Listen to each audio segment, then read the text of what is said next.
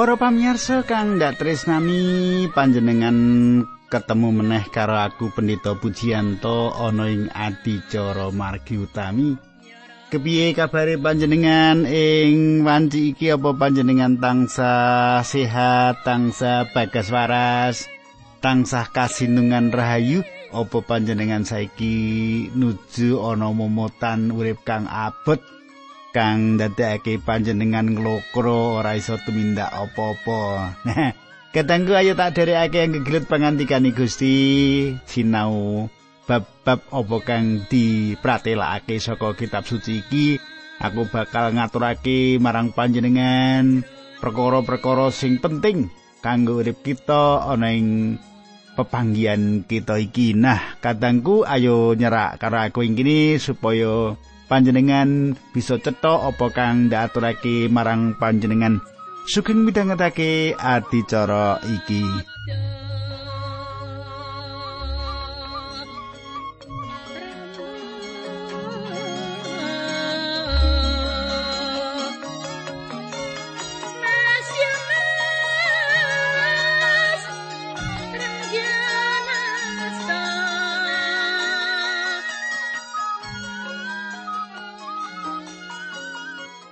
Para pamirsa ing kitab pangentasan perjanjian lawas wis kita lewati, kita wis rampung. Dadi wis rong buku ya, loro kitab sing kita rampungake yaiku kitab Purwaning Dumadi lan kitab pangentasan.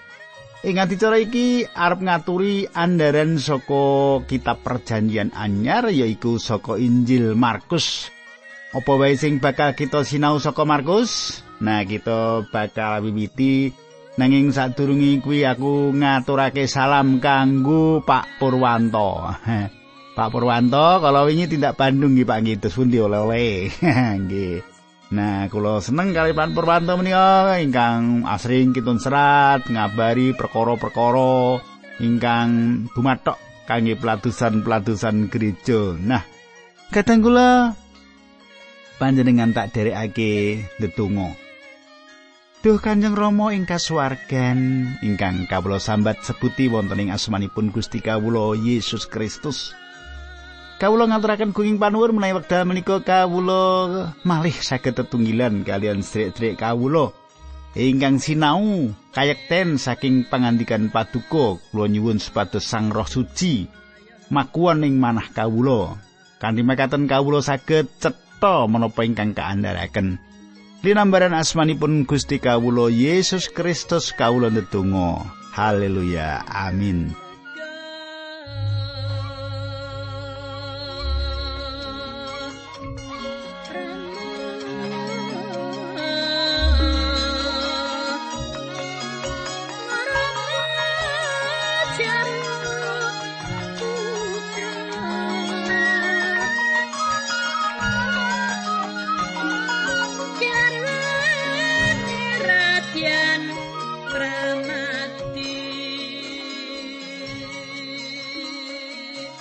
Kadangku kang dak tresnani miturut urutane wektu Injil Markus iki ditulis sing wiwitan abad sepisan. Injil Markus iki klebu salah sijine buku sing ditulis nalika jaman kekristenan wiwitan. Dudu sing sepisanan sing ditulis nanging salah siji sing sepisanan ditulis. Kitab iki ditulis ing Rom kira-kira ing taun swidak telu Masehi ditulis dening Markus sing uga diarani Yohanes. Markus iki salah sijine sing nulis sing perjanjian anyar dheweke dudu rasul, jeneng Yohanes iku jenenge Yahudi lan Markus jenenge keluarga. Bisa kita deleng ing Para Rasul 12 ayat 13. Para Rasul 12 ayat 13 mengkene surasane bareng wis ngerti marang lelakon mau Rasul Petrus tuli lunga menyang omahe Maryam ibune Yohanes sing uga karan Markus ing omah kono ana wong akeh sing lagi padha ngumpul lan ndedonga. Kadangku ing omah kono akeh wong kumpul lan ndedonga. Sajake ayat iki ana gandengane karo lelakon nalika Rasul Petrus diecolake saka pakunjaran. Iki lelakon sejarah sing ana gandeng rentengi karo jenenge Markus. Ibune Markus misuwur ing kalangane gereja ing Yerusalem. Ing ayat iki nyeritakake yen ing omahe keluargane Markus padha ngumpul wong akeh. Para wong Kristen lan padha ndedonga. Para wong Kristen kuwi ning kono padha ndedonga. Panjenengan omahe apa yo kagem persekutuan apa ora Wah, mboten tahu Pak, kula wedi nyuguh. gitu. Ya nek ra duwe rasa nyuguh. Ngira? Rasa nyuguh nyuwun ngapunten kadang kula kula rasa nyuguh. Ah, mboten sing teko, Pak. Eh, wong Kristen saiki aja Kristen mangan yo. gitu. Saiki Markus dikandhakake ing kitab suci bebarengan karo Paulus nalika nyebarake Injil wiwitan. Markus kepokonakane Barnabas. Bab iku ditulis Paulus ing Kolose 4 ayat 10 ing sabanjure ditulis yen Markus iku anak rohani Rasul Petrus. Siji Petrus 5 ayat 13 mengkene surasani. Sedulur-sedulurmu tunggal sapa sing ana ing Babel sing iya pinilih dening Gusti Allah. Kirim salam marang kowe mengkono anakku Markus. Kadangku ana panemu yen Injil Markus iku dianggep Injile Simon Petrus. Pancen ana sawetara bukti sing bisa kita teliti. Dadi si Yohanes Markus nggone gabung karo Rasul Paulus lan Barnabas sadurunge panyebaran Injil sing kawitan. Ing para rasul ditulis ngene. Para rasul ana ing kutha Salamis, wong-wong mau nuli padha ngabarake Injil ana ing sinagoge-sinagoge ya kuwi papan pangibadahe wong Yahudi. Yohanes sing uga karan Markus mbiyantu wong loro mau sajrone padha nglakoni ayahani. Kadangku nanging bareng tekan ing Perga, Pamfilia, Markus mundur ninggalake kumpulan mau. Sajake Markus pancen durung kapitung mateng mlebu ing kumpulane para abdine Gusti iki. Mesti wae kita ora mbilo sapa-sapa. Yohanes Markus sapa dene Rasul Paulus sak kancane. Mesine dheweke duweni dasar kanggo mundur saka kumpulan mau. Mula Paulus wis ora ngajak meneh Markus ing pekabaran Injil sing kaping pindho. Senadyan Barnabas kepengin ngejak maneh. Barnabas duweni ati sing jembar nanging Rasul Paulus tetep ora bisa ngajak Markus manes ing sak teruse. Saiki para rasul 15 ayat 37 lan 38 Barnabas kepingin ngajak Yohanes Markus nanging Rasul Paulus ora rujuk yen Markus diajak awet tau ninggal wong loro mau ana ing tanah Pamfilia. Lan Markus kuwi ora tememen nggone mbiyantu nganti sak rampunge pegawean. Katangku bisa wae Rasul Paulus duweni panemu yen Markus wis gagal. Ing para rasul ditulis meneh ayat 39 bab 15. Perkara mau marakake padurami nganti pungkasane Rasul Paulus lan Barnabas padha pepisahan. Barnabas ngajak Markus banjur nunggang prau menyang Siprus. Katengku, sawise nuju Siprus wis ora kacrita meneh ing kitab suci kepriye wusanane. Pancen mung setitik banget ing kitab suci sing critakake bab peladosan sing ditindakake dening Yohanes Markus. Wusanane Yohanes Markus dadi wong sing luwih mantep iki bisa kita semak ing layangi pepisahan Rasul Paulus. Coba panjenengan katekake layang loro Timotius bab 4 ayat 11. Kari Lukas sing ana kene Markus petuken lan jaan mrene bareng karo kowe awit Markus bisa nyambut gawe mbiyantu aku ana ing pegaweanku. Sumitraku, Kecerita yen Markus nggone ngerti marang kabar kasukan Injil iku sak Rasul Petrus. Ana meneh panemu yen Markus etuk kabar kasukan Injil iki saka Rasul Paulus. Ana pitakonan meneh kenapa Injil iku ditulis ing patang buku, pitang kitab dening penulis sing ora padha. Sumitraku salah sijine alasan Injil ditulis dadi papat yaiku ditulis dening wong sing ora padha karo meneh patang Injil iku ditujokake marang patang jenis golongane manungsa. Injil Matius ditujokake marang bangsa Israel sing wis kapilih dening Allah. Injil Markus ditujokake marang bangsa Romawi, bangsa sing kukuh karepe nganti bisa nguasani donya lawase udakara sewu taun. Paribasane bangsa Romawi iki wis bisa ngalahake donya iki. Nuli bangsa iki nggawa katentreman lan keadilan, mbangun dalan-dalan sing apik. njejegake keadilane hukum lan tatanan menehi rasa aman marang rakyate nanging bab katentreman sing diterapake sipate mung palsu wae utawa semu. Tungkak sepatune bangsa Romawi wis nindes bangsa-bangsa. Lan jalaran saka iku bangsa Romawi kudu mbayar utangi. Romawi negara lan bangsa sing kediktatorane kuat banget. Ana sawijining penulis sing nulisake ngene. Bangsa Romawi kepengin nggathuk-nggathukake antarane panguasane manungsa lan wujud hukum ditambah aturan ngenani paugeran politik sing saka kono mau banjur ana rasa urmat marang hukum lan keadilan. Saka kene banjur ana bibit-bibit kamanungsan sing bisa ngendhaleni saben individu, saben pribadi menyang tatanan negara sing asifat universal atau umum. Banjur ana maneh penulis liya sing ngandhakake yen bangsa Romawi melu urun laire pamikire nganakake liga bangsa-bangsa sing saiki diarani perserikatan bangsa-bangsa. Perdamaian, bedamen, katentreman kaya sing dipikirake dening Romawi kudu ditangani kanthi pameksa. Kanthi tekanan marang donya lan dikendali dening wong sing pancen duwe panguwasa gedhe. Dinane iki Donya pancen lagi goleki sawijining pribadi sing kuat sing bisa ngayahi wajib kanggo katentremane donya.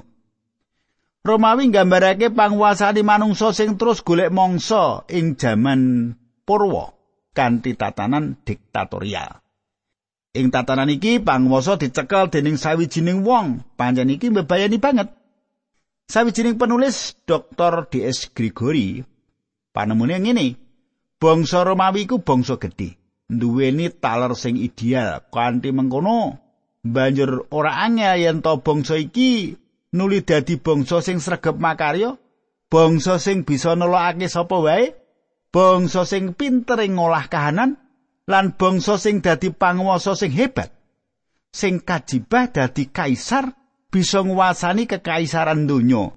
Pancen tatanan kekaisaran lan kaisar secara pribadi ora bisa disingkiri Nalika bangsa Romawi diajak nimbang-nimbang bebarengan ngenani panguasane manungsa dosa sing tanpa wates kekaisaran kediktatoran bisa nduweni pungkasan sing gegirisi. Mongko Roh Suci wis ngrancang kanggo paring tetimbangan supaya nampani Gusti Yesus Kristus saka Nazaret dadi sing maha kuwasa lan juru wilujeng. Sing bisa ngudari donya ngranggeh pangarep-arepe. Yen deleng kahanan saiki iki donya lagi kaliput kentir manyang cara utawa tatanan sing bisa ndadekake negara utawa wong sing bakal nguasani wewengkon donya. Wong iki banget nggone candala ala saengga para manungsa sing kebawah perintah padha sambat kawas asih goleki dalane keluaran. Mung siji jinis sing bisa ngluwari donya saka kahanan iki yaiku Gusti Yesus Kristus sing bakal rawuh. Rasul Paulus nulis layang menyang pesamuan ing Rom ngene. Rom 1:16. Aku yakin yen Injil kuwi panguasane Gusti Allah sing nyelametake wong kabeh sing percaya marang Gusti Yesus Kristus luwih-luwih wong Yahudi semenuga wong-wong sing dudu Yahudi.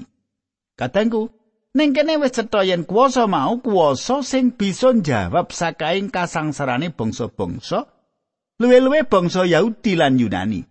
Nalika bangsa-bangsa ing donya padha mbutuhake kawelasan nanging pikolae malah panguwasa sing nguasani. Wektu iku ora ana siji wae manungsa sing wani marang panguwasa mau jalaran bakal remuk nek wani. Arep tinggal gelanggang colong playu jangkae ora nyukupi. Ora ana wong sing bisa ngoncati. Lan nalika iku Allah paring sawijining wangsit mirunggan marang bangsa sing murungan uga lan Yohanes Markus sing dipilih dening Allah dadi panulis wangsiting Allah. Yohanes Markus lagi atur laporan marang Simon Petrus bab Injil upamane Papias salah sijine bapa gereja wiwitan nyatet yen Yohanes Markus nampa Injil kabar kabungan saka Simon Petrus. Dadi Markus sing dadi juru penafsire Petrus nggone nulis kanthi ngati-ati banget bukti-bukti sing dikumpulake. Nanging isine ora urut kaya apa sing dingendikake lan ditindakake Gusti Yesus. Eusebius ngomentari ngene. cahyaning kesalian sing sumunar ing antarane wong-wong saka pangajarane Petrus rumangsa padha ora marem yen mung kanthi apa sing dirungakake utawa paugeran pokok ajaran sing ora ditulis nulin jaluk tulung kanthi jujur supaya Markus ya Yohanes Markus sing saiki Injil wis mabar supaya nulis kabeh ajaran dasar utawa doktrin sing wis diwejangake ngliwati khotbah Rasul Petrus Dadi isi ajaran dasar saka Petrus sing wis kita tampa iki saka jasane panulis Markus. Sumitraku. Buku sing ditulis Markus iku isine Injil sing nuduhake bukti sing ditindakake. Awit pancen ya kaya ngono iku watak wantune Petrus. Injile uga nuduhake bukti tumindake ditujokake marang bangsa Romawi sing duweni watak sing padha karo watake Petrus. Bangsa sing terus tumindak ahti berbuat sesuatu Ing Injil Markus ora dituduhake yen Gusti Yesus iku Raja Agung sing maha kuwasa, sing cancut taliwanda ngladosi para rakyate utawa kagungane. Pancen ing Injil Matius Gusti Yesus ditulis kanthi cetha yen panjenengan iku Sang Raja. Nanging ing Markus panjenengane ditedhahake kaya dene abdi sing ngladosi. Panjenengane abdine Allah sing ngladosi donya iki. Markus tulis ngene, Markus 10 ayat 45. Sebab putrane manungsa kuwi rawuhe ora mundhut diladeni nanging malah ngladeni lan masrahake nyawane kanggo ngluwari wong akeh. Katangku, ing Injil Markus njelasake yen panjenengane abdine Yahweh jangkepi pamecane Nabi Yesaya. Yesaya patang puluh loro ayat siji lan loro. Pangeran ngendika lah iki abdiku sing ndak paringi kasekten pilihanku sing gawe renane penggalihku. rohku dak paringake nedhaki lan nguwaosi abdiku abdiku bakal nekakake keadilan marang saben bangsa abdiku mau bakal ora bengok-bengok utawa sesorah sing muluk-muluk ing dalan-dalan Kadangku dinane iki kita asring krungu utawa ndeleng saka televisi anane demonstrasi warga sing sak bagian nuwake rugine material jalaran ana pangrusakan. Nanging kita uga tau ndeleng wong-wong sing sengkut karya bakti kanggo katentremane liyan, kabeh mau jarene nindakake kabecikan. Gusti Yesus rawuh ing donya kanthi daya tarik sing dipeni, utamane ing tumindak kamanungsan. Karo maneh tumindake Gusti kita landesan kealahane sajroning nindakake kabecikan mau. Sabenere iki minangka perwakane pembukaane Injil sing ing jero njelasake panjenengane sing sedo nuli wungu meneh saka antarane wong mati. Nuli panjenengane dawuh marang kita kabeh umate lunga lan ing kene Injil wis tuntas ya iki kanyatane Injil ing jaman iki. Cengkok panulis Injil karangane Markus sipate tegas. Duweni sesambungan karo kahanan saiki iki, padat cedhak ora tele-tele, langsung menyang tujuane prasaja ditata nganggo ukara sing cetha nanging kebak bab sing dipeni. Ewa semono ora sepi diisi kanthi bukti sing nyata. Ing tulisane Markus sasring nganggo tembung sing tegese lan sing gunggune 1331. Tembung sing paling akeh ing Injil Markus. Yen panjenengan ana wektu kanggo ngitung tembung kuwi mau ya becik supaya luwih perso apa isine Injil Markus sing sakbenere. Yen ana juru ceramah sing tansah omong nganggo tembung lan, mesti ceramahe bakal ora ana sing gelem ngrungokake. Nanging ing Injil Markus senajan akeh tembung lan kuwi mau, malah sangsaya dadi nes. Tembung mau duweni teges sing kuat, jalaran dipapanake ing sela-selaning ukara kanthi trep lan pas. Banjur kaya sawijining tembung perintah sing kudu ditindakake, tembung lan akeh digunakake ing khotbah. Nalika tembung iki diucapake mesti kudu ana tembung utawa ukara liya sabanjure ora ana ukara sing pungkasane lan. Coba yen panjenengan penggalih tembung lan mesti bakal diterusake kanthi tumindak sateruse ora mandek. Sumitraku. Injil iki ditulis dening Markus sing Roma lan wis pancen jelas sasarane yaiku wong Romawi, wong-wong Romawi iki tansah sibuk banget enggone pracaya marang panguwasa lan apa wae sing ditindakake. wong Romawi mau ngajakake pitakonan. Apa Yesus Kristus sanggup nindakake iku mau kabeh? Injil Markus iki singkat Kanthi mengkono ora ganggu lamun diwaca dening wong sing tansah ana kegiatan. Sawetara isine perjanjian lawas dikutip ditambah aturane adat Yahudi sing wis dijelasake sing kabeh mau isine supaya nambahi jelas yen Injil iku kanggo bangsa saliyane Israel uga. Ing Injil Matius uga njelasake yen Injil iku kanggo bangsa saliyane Yahudi. Matius nulis kanggo kita sak rasilae raja sebab ora ana raja tanpa sarasilah. Beda karo Markus sing ora ngemot sarasilah Yesus. Jalaran Yesus sing buku Markus matek dadi abdi sing ladosi. Mula mung merlokake keterangan sapa ta panjenengan iku? Sawijining abdi mung perlu keterangan sapa ta dheweke supaya bisa entuk pakaryan utawa pegawean. Kita bakal ndeleng ing Injil Markus, kepriye enggone Markus njelasake bab Gusti juru wilujengi. Pembagian kasar ing Injil Markus kaya ngisor iki angka siji Yohanes Pembaptis ngenalake sang abdi lunuih. Iki bab siji ayat siji nganti wolu. Loro Allah sang Rama ngenalake abdi lunuih. Bab siji ayat songo nganti sebelas. Telu pacoban wiwitane abdi linu iki lelados. Bab siji ayat telulas nganti telulas. Papat penggawean dan pacoban sing gambarake abdi linu iki. Bab siji ayat 14 nganti bab telulas ayat telung pitu. Terus B mukjizat pangeran meram. Siji diwarasake loro sing kegayutan karo alam telu setan-setan. Papat diwungokake saka antarane wong mati. C. Pasemon lan ajarane. Pasemon. Loro pengajaran sing maneka warna. Telu prastawa-prastawa. Siji, sedo kapethak lan wungene sing jelasake Abdul Nuwih bab 14 ayat 1 nganti 16 ayat 20. Sumintra kowe ing pasal siji Injil Markus iki akeh momotan sing migunani tinimbang isine pasal ing kitab suci liyane. Kajaba perwaning dumadi pasal siji ing pasal siji Injil Markus ngandut isi peladosane Yohanes Pembaptis sing beberake pamecane Nabi Yesaya lan Maliaki. Pasal iki njelasake taun sepisan peladosan Gusti Yesus uga nyeritake peladosane nalika Gusti Yesus ana ing dina Sabat. Pasal iki ditutup nalika ngladosi wong sing kena lara kusta lan panjenengane pirsa senajan akeh sing perlu ditindakake Gusti Yesus ora tau nilar wektu kagem ndedonga. Ing Markus ora ana sarasilah Gusti Yesus kaya ing Injil Matius. Sarasilahe Gusti Yesus sing saka keturunane Bapak Abraham ora narik kawigatene bangsa Romawi. Kira-kira ing jaman saiki kanggo nampa pambantu rumah tangga, kita kudu ngerti sapa to sak benere Abdul Nuh iki. Dudu bab leluhure, nanging bab apa sing wis ditindakake? Apa kira-kira sanggup yen dipasrahi pegawean sing abot Pancen kanggo ngegulang Injil Markus iki rumit nanging muyek narik kawigaten iki to. Mula sadurunge aku nyuwun pamit, ayo ndedonga luwih dhisik. Duh pangeran ingkang agung saha wingit.